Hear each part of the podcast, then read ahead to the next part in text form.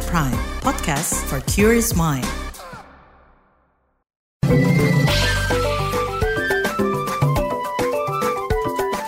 WhatsApp Indonesia.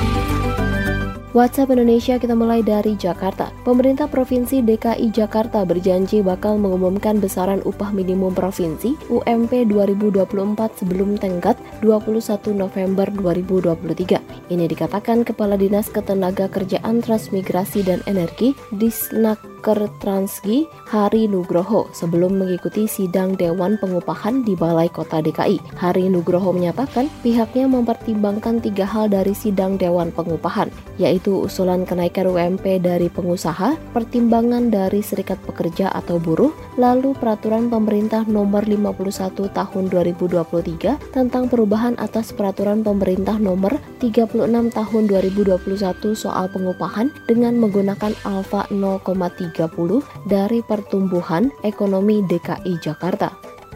Selanjutnya menuju Surabaya, Ketua Bawaslu Surabaya Muhammad Agil Akbar dipecat Dewan Kehormatan Penyelenggara Pemilu DKPP usai terbukti melanggar kode etik. DKPP menyatakan Muhammad Agil Akbar bersalah atas kasus pelanggaran etik soal kasus transaksi uang dalam proses seleksi anggota Panwaslu Kecamatan atau Panwascam. Kasus ini terungkap usai Muhammad Agil Akbar diadukan ke DKPP dan sidang dikelar 17 November 2023. Melalui keterangan resminya, Ketua Majelis Ratna Dewi Petalolo menyatakan Agil mendapatkan peringatan keras dan pemberhentian. Agil dianggap gagal memastikan seleksi calon panwascam berjalan sesuai perundang-undangan. Terakhir mampir Bone, Sulawesi Selatan. Petugas puskesmas di Kabupaten Bone, Sulawesi Selatan, Ahmad Shole mengatakan program BPJS keliling mampu meningkatkan akses layanan kesehatan masyarakat di wilayah-wilayah pelosok. Misalnya BPJS keliling dari Puskesmas Salomeko dikatakan Ahmad selalu dinantikan kedatangannya oleh warga. Ahmad menilai BPJS keliling mampu mendekatkan dan memudahkan layanan kesehatan kepada masyarakat yang selama ini kesulitan mengakses lantaran jarak yang jauh dan akomodasi yang kurang mendukung. BPJS keliling membantu masyarakat yang tinggal jauh dari perkotaan.